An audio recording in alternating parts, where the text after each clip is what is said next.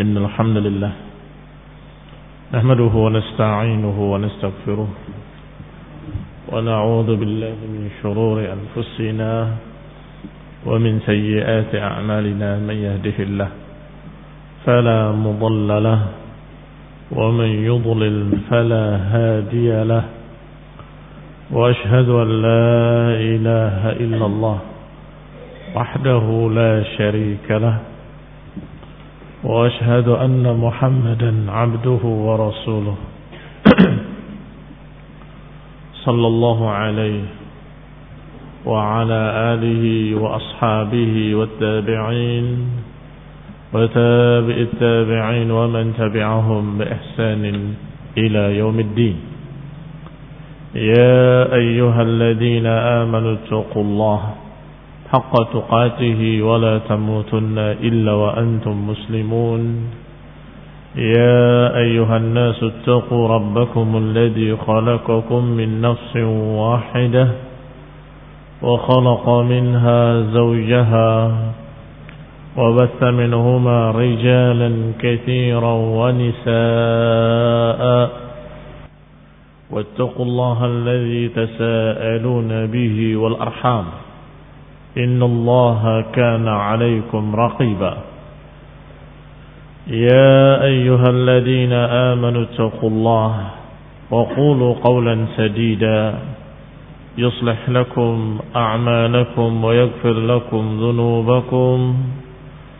ومن يطع الله ورسوله فقد فاز فوزا عظيما. أما بعد فإن خير الحديث كتاب الله. وخير الهدي هدي محمد صلى الله عليه وعلى آله وسلم. وشر الأمور محدثاتها. فإن كل محدثة بدعة وكل بدعة ضلالة وكل ضلالة في النار. إخواني في الدين أعزكم الله كمسلمين سهرمتي kita lanjutkan kajian kitab Syarah Aqidah Salaf wa Ashabul Hadith oleh Imam Sabuni rahimahullah wa huwa Abu Uthman As-Sabuni rahimahullahu taala.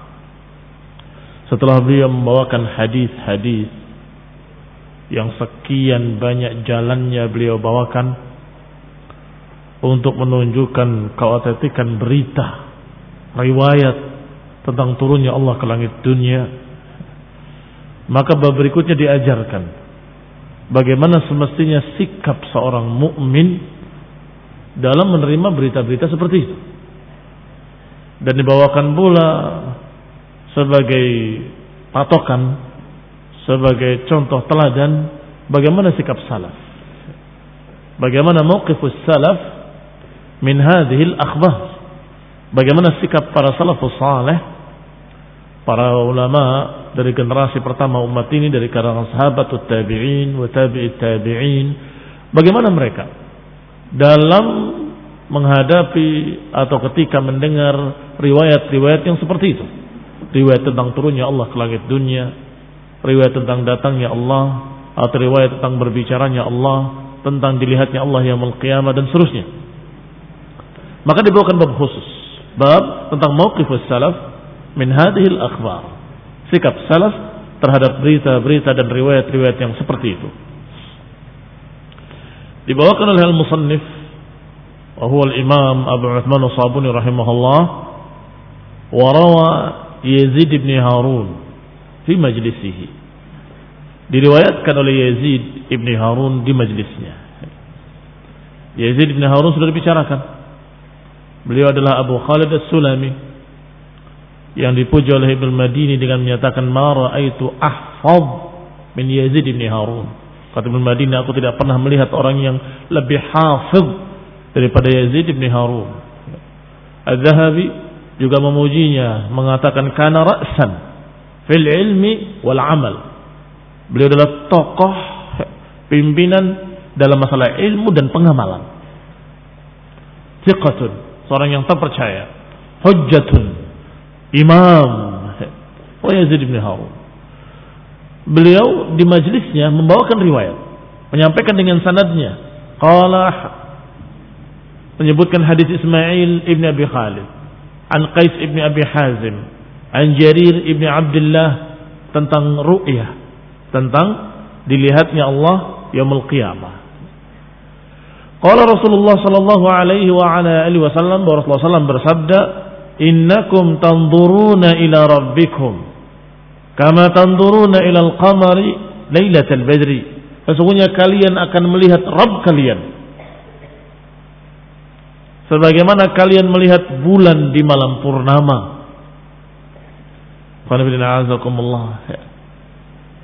Hadis tentang dilihatnya Allah yaumul qiyamah disebutkan di antara lafadznya adalah innakum satarawna rabbakum. Kalian akan melihat Rabb kalian. Kama tarawna al-qamar. Sebagaimana kalian melihat bulan di malam purnama. Hati-hati. Ini bukan menyamakan Allah dengan bulan. Tetapi menyamakan ru'yah bir ru'yah. Menyamakan mudahnya melihat. Sebagaimana kalian melihat bulan di tempat-tempat kalian Demikian pula nanti dalam surga melihat Allah di tempat mereka masing-masing. Tidak perlu berkumpul di satu tempat, tidak perlu. Karena dalam riwayat lain disebutkan la tudamuna fi. Kalian tidak perlu berdesak-desakan. Kama tarawna al-qamar lailatul badri sebagaimana kalian melihat bulan di malam purnama, kalian tidak perlu berdesak-desakan. Di tempat-tempat kalian kalian bisa melihat bulan. Demikian pula nanti penduduk surga di tempat mereka masing-masing mereka melihat Allah Subhanahu wa taala. Tiba-tiba di majlis Yazid bin Harun ada seorang yang berkata dengan pertanyaan, "Ya Aba Khalid." Aba Khalid kunyahnya Yazid bin Harun. "Ma makna hadis?" Apa maksudnya hadis itu? Maka marahlah Abu Khalid Yazid bin Harun. Faghadiba wa harida wa qala ma ashbahaka bisabir. Beliau marah dan mengatakan kepadanya, sungguh engkau sangat miripnya dengan Sabir Ibn Isl. Wa ahwajaka ila misli ma fu'ila bih dan sungguh engkau sangat membutuhkan untuk diperlakukan seperti apa yang diperlakukan pada Sabir.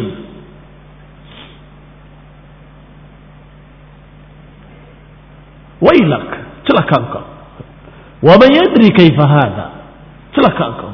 Siapa yang tahu seperti apa mereka melihat Allah taala? Wa man yajuzu lahu an yujawiz hadzal qaul alladhi jaa bihi al-hadis? Dan siapa yang boleh untuk melampaui riwayat-riwayat yang tersebut? Siapa yang boleh, siapa yang bisa, siapa yang mampu, siapa yang berhak untuk melampaui berita yang disebutkan oleh Nabi sallallahu alaihi wa ala alihi wasallam. Atau yatakallam fihi bi syai'in min tilqa'i nafsih. Atau siapa yang boleh untuk berbicara dari dirinya sendiri? Illa man safiha nafsah. Kecuali orang yang memang safih, yang dungu, orang yang bodoh. Wastakhaffa bidinih Orang yang sungguh sangat lemah agamanya. Ini lemah imannya. Orang yang tidak takut pada Allah Subhanahu wa taala, lancang berbicara tentang hal-hal gaib dengan hawa nafsunya. Tidak lain, orang yang berani berbicara tentang sesuatu yang tidak diberitakan adalah orang-orang yang seperti itu, imma safi, man safiha atau alul hawa yang istakhaffa bidinihi yang lemah agamanya, lemah imannya, yang lancang, gegabah, berani-berani berbicara tentang Allah tanpa ilmu. Pertanyaannya, kaifa dhalik? Atau kaifa atau makna hadha? Apa maknanya? Dan tentunya orang Arab paham makna harfiahnya tahu. Berarti yang dimaksud oleh dia adalah kaifiahnya. Kalau mereka paham, kalian melihat Allah. Sudah dipaham. Tapi karena mereka atau ada seseorang tadi yang tidak bisa menerima menyatakan bagaimana itu? Melihat Allah. Apa maksudnya? Maka marahlah Yazid bin Harun Al-Imam Al-Hujjah, Al-Thiqah, seorang yang saleh marah dengan pertanyaan seperti itu. Idza sami'tumul hadis an Rasulillah fattabi'uh.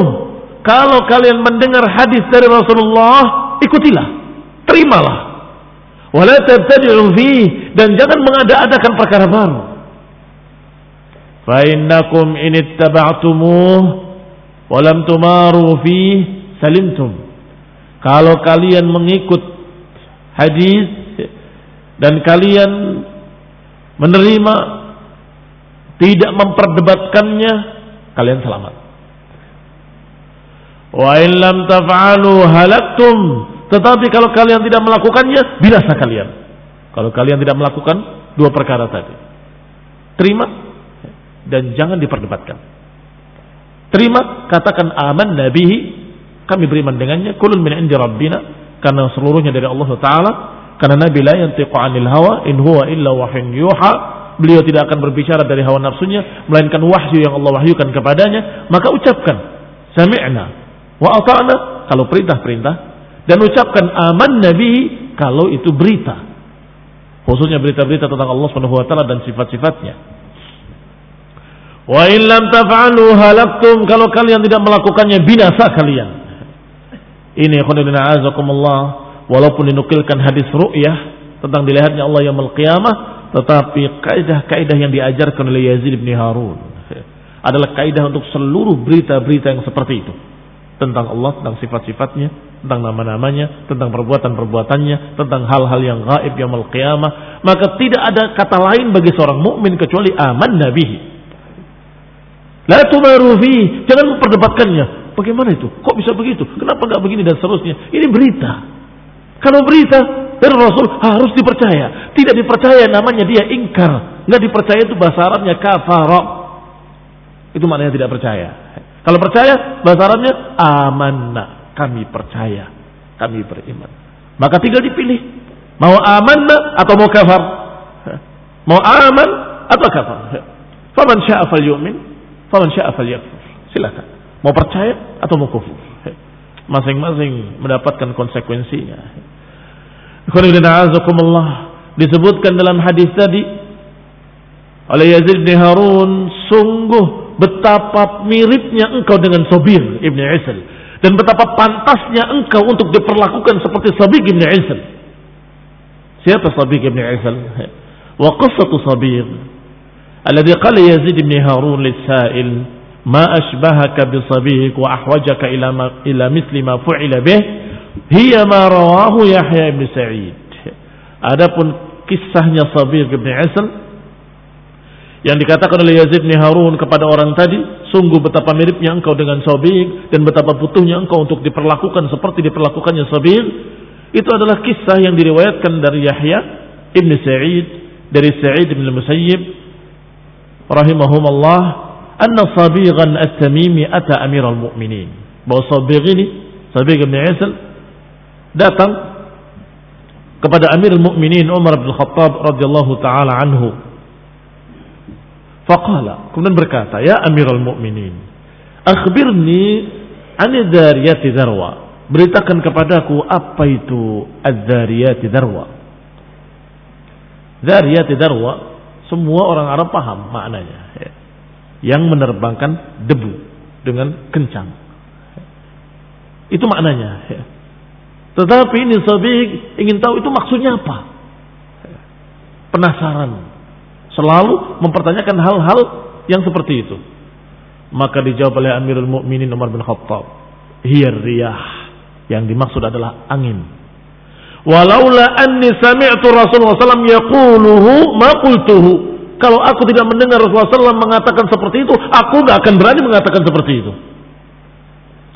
Dijawab, tapi diajarkan kaidah. Kalau nggak ada berita, jangan berani-berani. Oh ini angin, jangan. Aku katakan angin karena aku mendengarkan Rasulullah menyatakan seperti itu. Walaula andi sami'tu Rasulullah, kalau saja aku tidak mendengar Rasulullah, aku nggak akan berani menyatakan angin. Bertanya lagi pertanyaan kedua. Fa akhbirni anil hamilati wiqra. Kalau gitu kabarkan kepadaku apa maksudnya hamilat wiqra. Hamilat wiqra juga dalam bahasa Arab sudah dipaham yang memikul beban-beban. Al-hamilat dari kata hamil. Yang memikul atau yang membawa beban. Tetapi si sobir ini dalam keadaan penasaran. Apa yang dimaksud?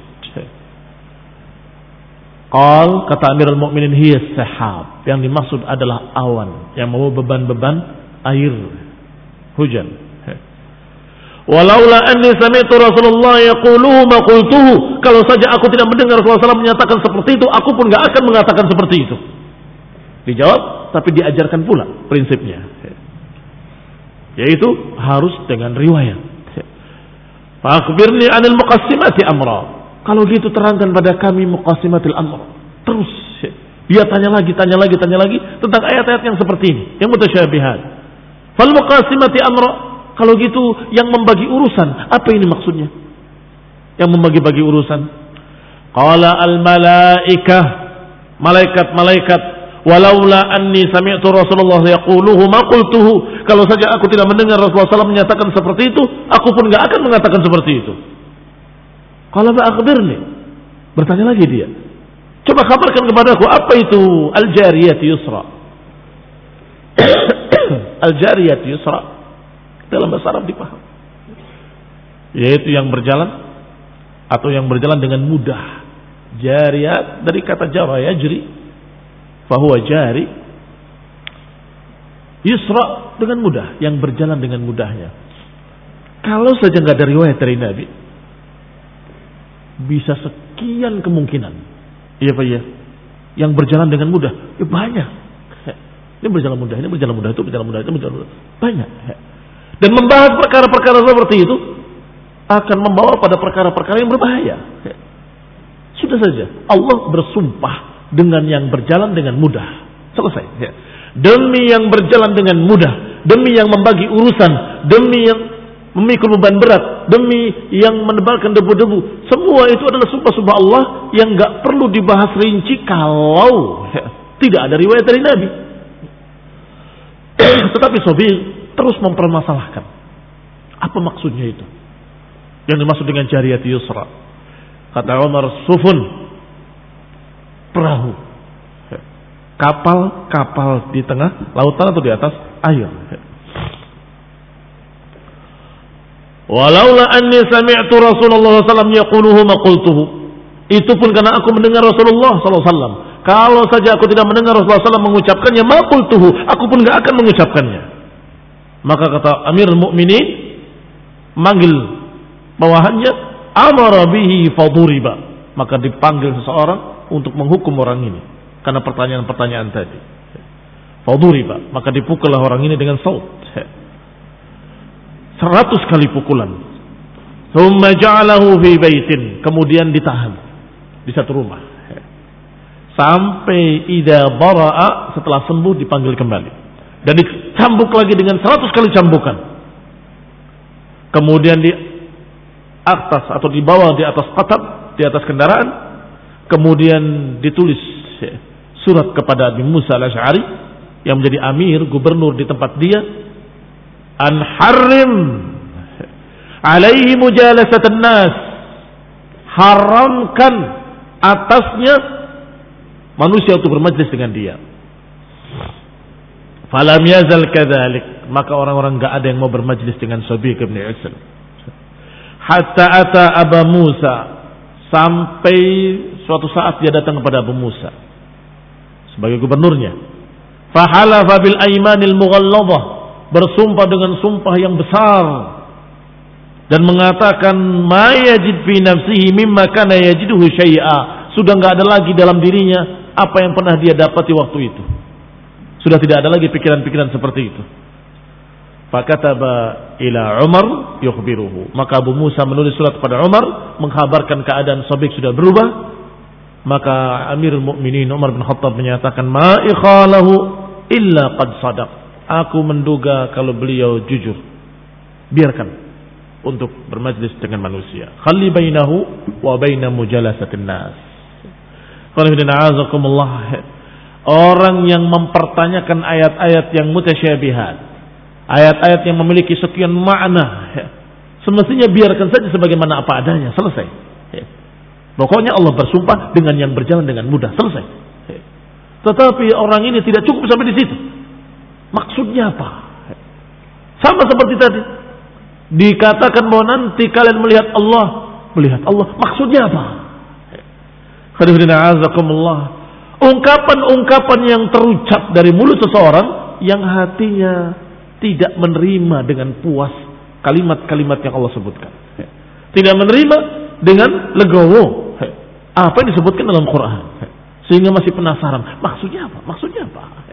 Karena Diriwayatkan dalam riwayat lain. Oleh Hamad ibn, ibn Zaid.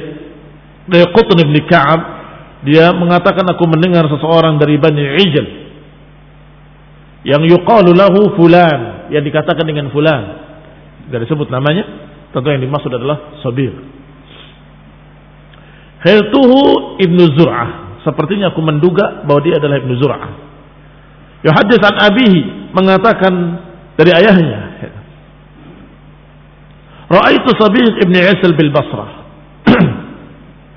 Fulan ini tidak disebutkan namanya, tetapi dia sebutkan dengan Ibnu Zur'ah, tapi bukan Sabir. Dia yang melihat Sabir. Dia menyampaikan dari ayahnya bahwa ayahnya melihat Sabir. Ibn Isal di Basrah.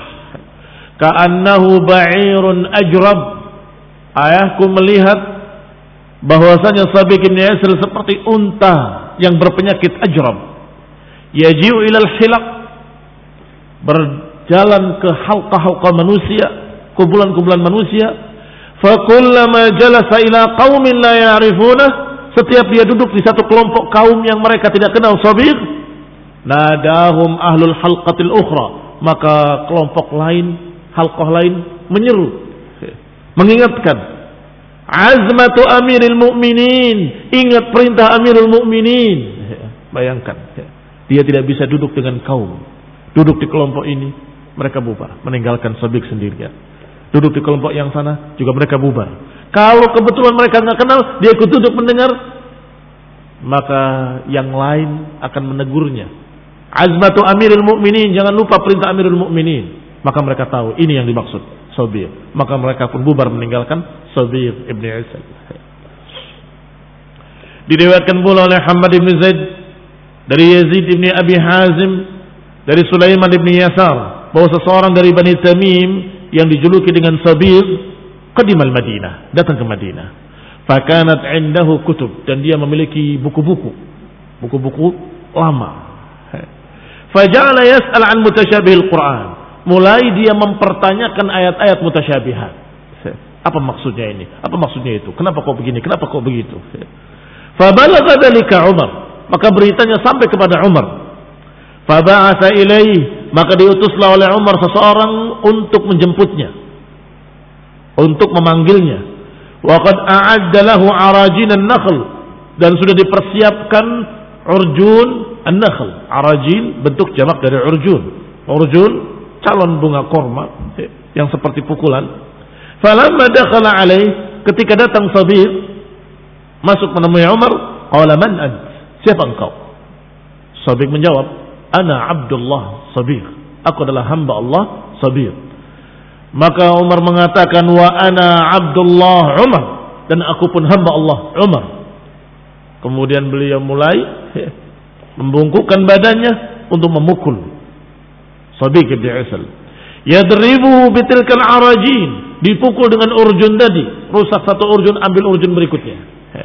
Bukan satu urjun, arajin. Fama zala yadribuhu hatta syajjah. Dan terus dipukul sampai luka kepalanya. Syajjah adalah luka yang khusus di kepala. Faja'ala dam yasilu ala wajhih. Mulailah darah mengalir di wajahnya. Faqala hasbuka ya amirul mu'minin. Cukup wahai Amirul Mukminin, faqad wallahi dhahaba ma kuntu ajid fi ra'si. Cukup ya Amirul Mukminin, sungguh telah hilang apa yang aku dapati di kepalaku. Akhbarana أبو عبد الرحمن محمد بن الحسن بن الحسين بن موسى السلمي قال أخبرنا محمد بن محمود الفقيه المروزي بها. قال حدثنا محمد بن عمير الرازي. قال حدثنا أبو زكريا يحيى بن أيوب العلاف التجيبي بمصر قال حدثنا يونس بن عبد الأعلى. قال حدثنا أشهب ابن عبد العزيز. قال سمعت مالك ابن أنس. أكم dengar مالك بن أنس. Tadi dari Yazid bin Harun menyatakan sungguh orang yang mempertanyakan perkara-perkara yang seperti itu perlu diperlakukan seperti diperlakukannya Sobir Ibn Aisyah. Perlu dihukum, perlu dipukul, dan perlu ditahdir. Dijauhkan manusia dari dia. Sampai kapan? Sampai berubah. Sampai berubah. Sampai ketika Sabiq bersumpah dengan sumpah yang besar dan menyatakan sungguh telah hilang di kepalaku apa yang pernah aku dapati.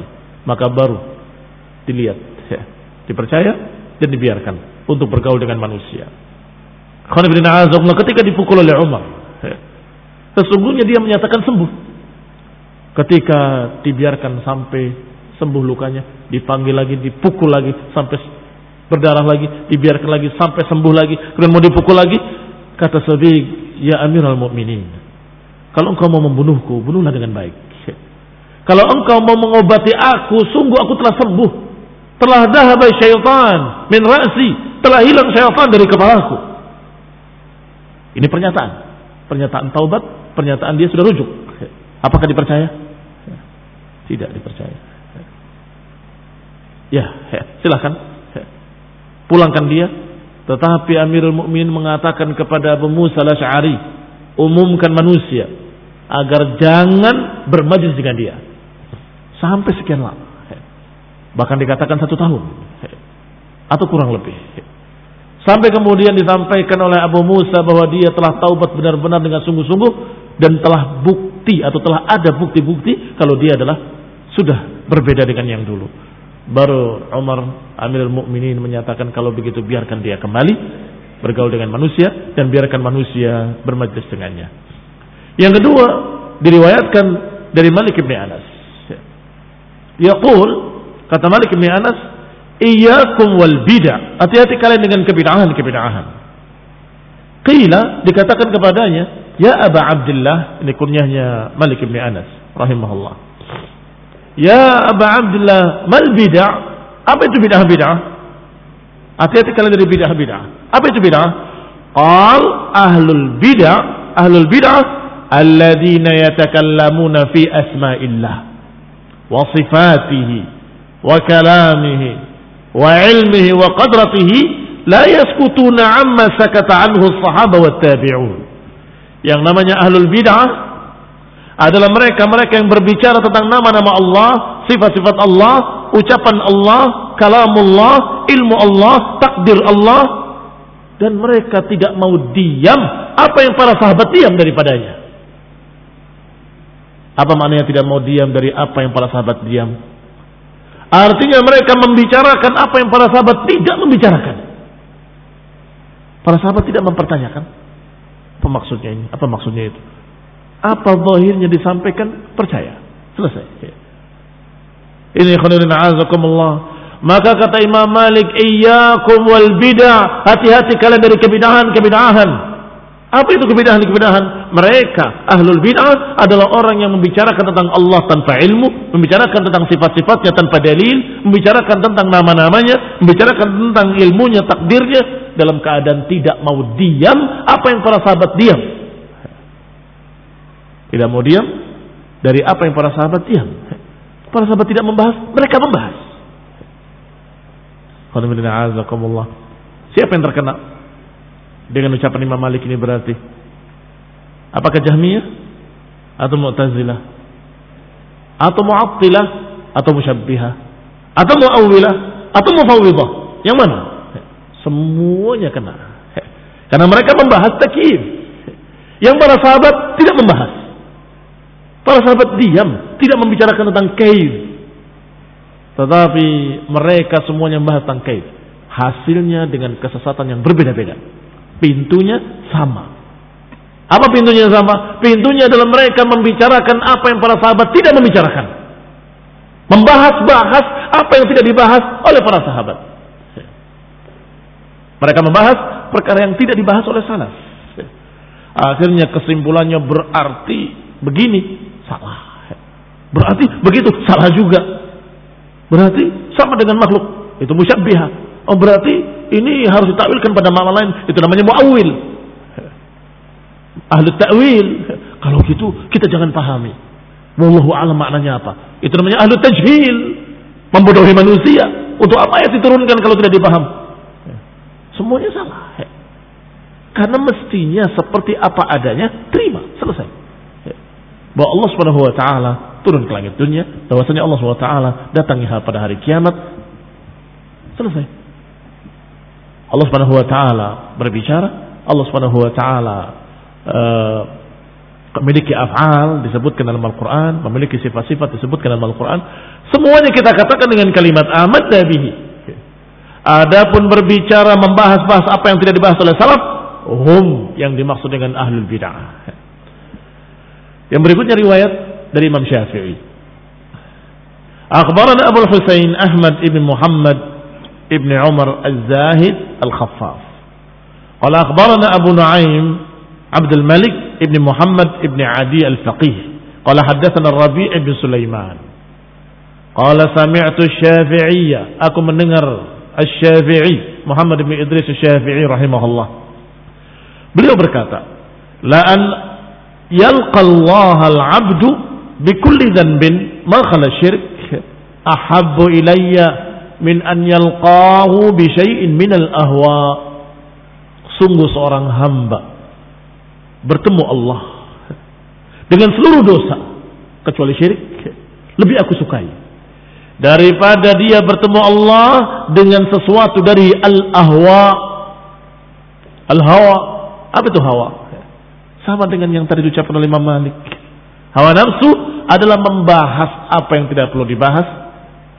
Berbicara apa yang tidak dibicarakan oleh salaf. Mengucapkan pendapat-pendapat baru yang tidak pernah diajarkan oleh Rasulullah SAW itu ahwa hawa nafsu. Maka juga terkena semua kelompok-kelompok bid'ah, apakah Mu'tazilah ataupun Jahmiyah, apakah dia Mu'attilah ataupun dia Mufawwidah, apakah dia orang-orang Musyabbihah ataupun mereka dari kalangan ini dan kalangan itu semuanya ahlul ahwa. Semuanya pengikut hawa nafsu. Maka kalau saja seorang bertemu Allah dengan semua dosa kecuali syirik, lebih baik daripada dia bertemu Allah dengan hawa nafsu, hawa nafsu kesesatan-kesesatan, kebidahan-kebidahan. Ini khonilin azakumullah menunjukkan bahwasanya kebid'ahan itu sungguh lebih jelek, jauh lebih jelek daripada segala maksiat-maksiat. Assalamualaikum Akhbarani Abu Tahir Muhammad bin Fadl Qala haddathana Abu Umar atau Abu Amr Al-Hiyari. Qala haddathana Abu Al-Azhar Qala haddathana Qubaysa Qala haddathana Sufyan. An Ja'far ibn Burqan. Qala sa'atu rajul Umar ibn Abdul Aziz. Ada seseorang yang bertanya kepada Umar bin Abdul Aziz an syai'in minal ahwa. Bertanya kepada Umar bin Abdul Aziz tentang sesuatu dari hawa nafsu, hawa nafsu. Kesesatan-kesesatan yang telah muncul di zaman itu. Dari mulai Syiah, rafidah Khawarij, kemudian muncul Jahmiyah, muncul Mu'tazilah, muncul sekian kelompok-kelompok penolak sifat dan seterusnya. Bagaimana tentang mereka ini? Jawaban Umar bin Abdul Aziz rahimahullah ilzam dinas sabi. Ilzam dinas sabi fil kuttab wal a'rabi walha amma siwa dhalik. Peganglah agamanya anak kecil di majelis-majelis kutab. Kutab itu belajar baca tulis. Ya. Itu kutab. Peganglah agamanya Arabi dan tinggalkan yang selain itu. Tinggalkan yang selain itu. Apa itu agamanya Arabi? Arabi itu polos, datang, dengar, terima, pulang. Itu Arabi. Ya, ya Rasulullah, apakah begini? Iya, pulang. Terima, percaya, terima, percaya. Itu agamanya Arabi. Dan juga termasuk yang seperti itu as-sabiyyi fil kuttab. Bagaimana anak kecil ketika belajar ibadah? Hah? Apa mempertanyakan membahas alif itu apa Ustaz? Tidak ada. Enggak ada anak kecil belajar baca ketika disuruh baca A. Terus bahas. Kenapa harus A? Kenapa A? Kenapa enggak I? Kenapa enggak U? Saat ini kenapa nggak tulisannya begini saja? Apa ada itu? Tidak ada. A, A, B, B, alif, alif, ba, ba. Selesai. Jadi apa setelah itu? Bisa baca. Itu agamanya as-sabi fil kutab. Barakallahu fiikum dan ini adalah juga manhaj. Ini adalah prinsip ahlu sunnah dalam menerima riwayat-riwayat khususnya dalam berita-berita gaib Berita-berita gaib itu kita nggak tahu tentang akhirat, kita nggak tahu tentang apa yang terjadi nanti yaumul qiyamah, kita nggak tahu apa yang terjadi dalam jannah, dalam nar, kita nggak tahu apa yang akan terjadi nanti di hisab, mizan, timbangan, kita nggak tahu tentang apa yang berkait dengan sifat Allah, zat-zat Allah nggak tahu. Nggak ngerti sifat-sifat Allah, perbuatan-perbuatan Allah, nama-nama Allah kita nggak tahu. Panca indera kita nggak mampu untuk memikirkan tentang itu. Maka bagaimana sikap kita? Sikap kita seperti anak yang sedang diajari baca tulis. Ya. Allah sami' Allah sami' Allah alim, Allah alim. Dikatakan sami'un alim, dikatakan ghafurur rahim, aman nabihi. Allah SWT memiliki sifat itu. Selesai. Mau apa lagi? Ya. Kenapa? Ya. Yang mudah kok nggak bisa? Ya. Selalu protes, selalu mempertanyakan kenapa begini, kenapa begitu, kayak apa, masa Allah dilihat, masa yang bilang Allah dilihat itu Nabi, Rasul, As-Sadiqul Masduq yang jujur terpercaya dengan riwayat yang sahih dalam kitab-kitab sahih yang tidak ada meragukan kesahihannya. Berarti benar-benar ucapan Nabi. Kenapa?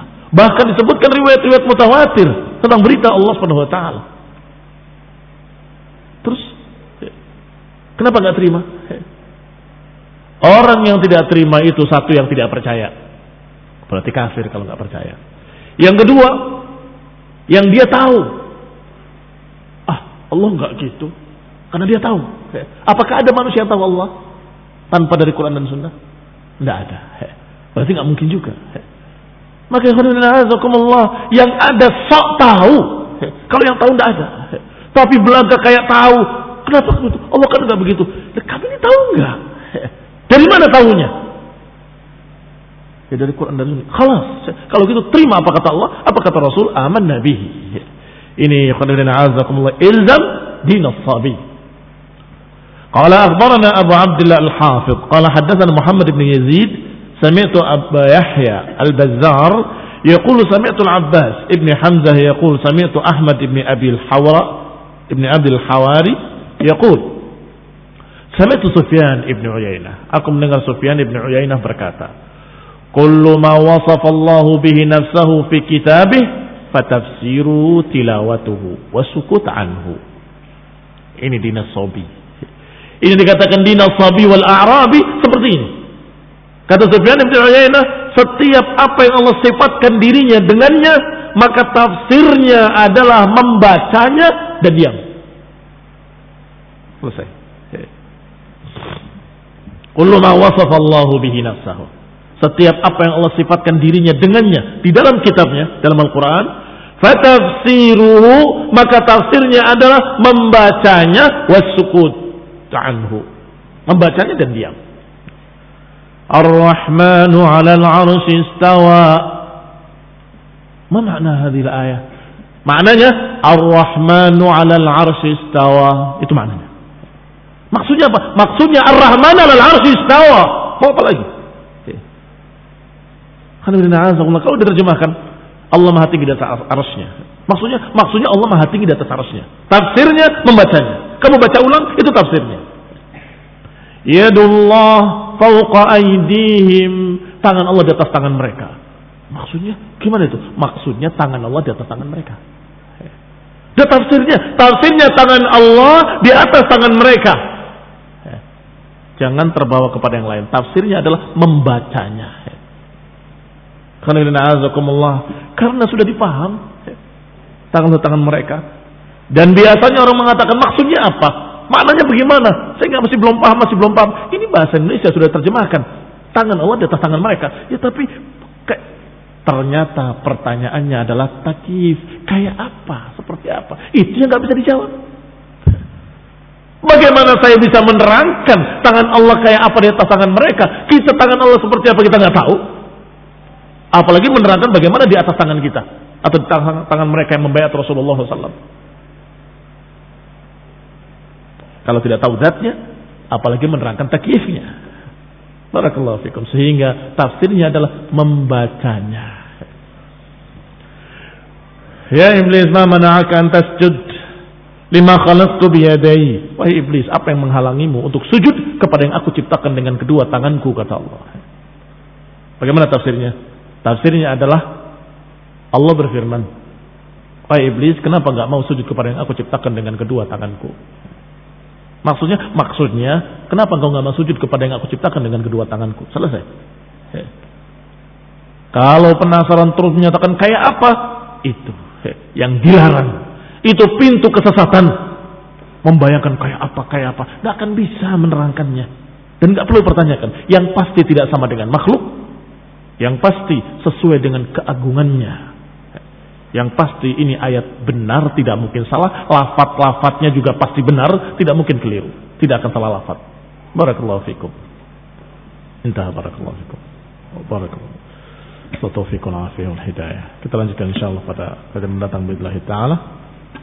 Subhanakallahumma hamdaka la ilaha illa anta astaghfiruka wa atubu ilaik. Wassalamualaikum warahmatullahi wabarakatuh.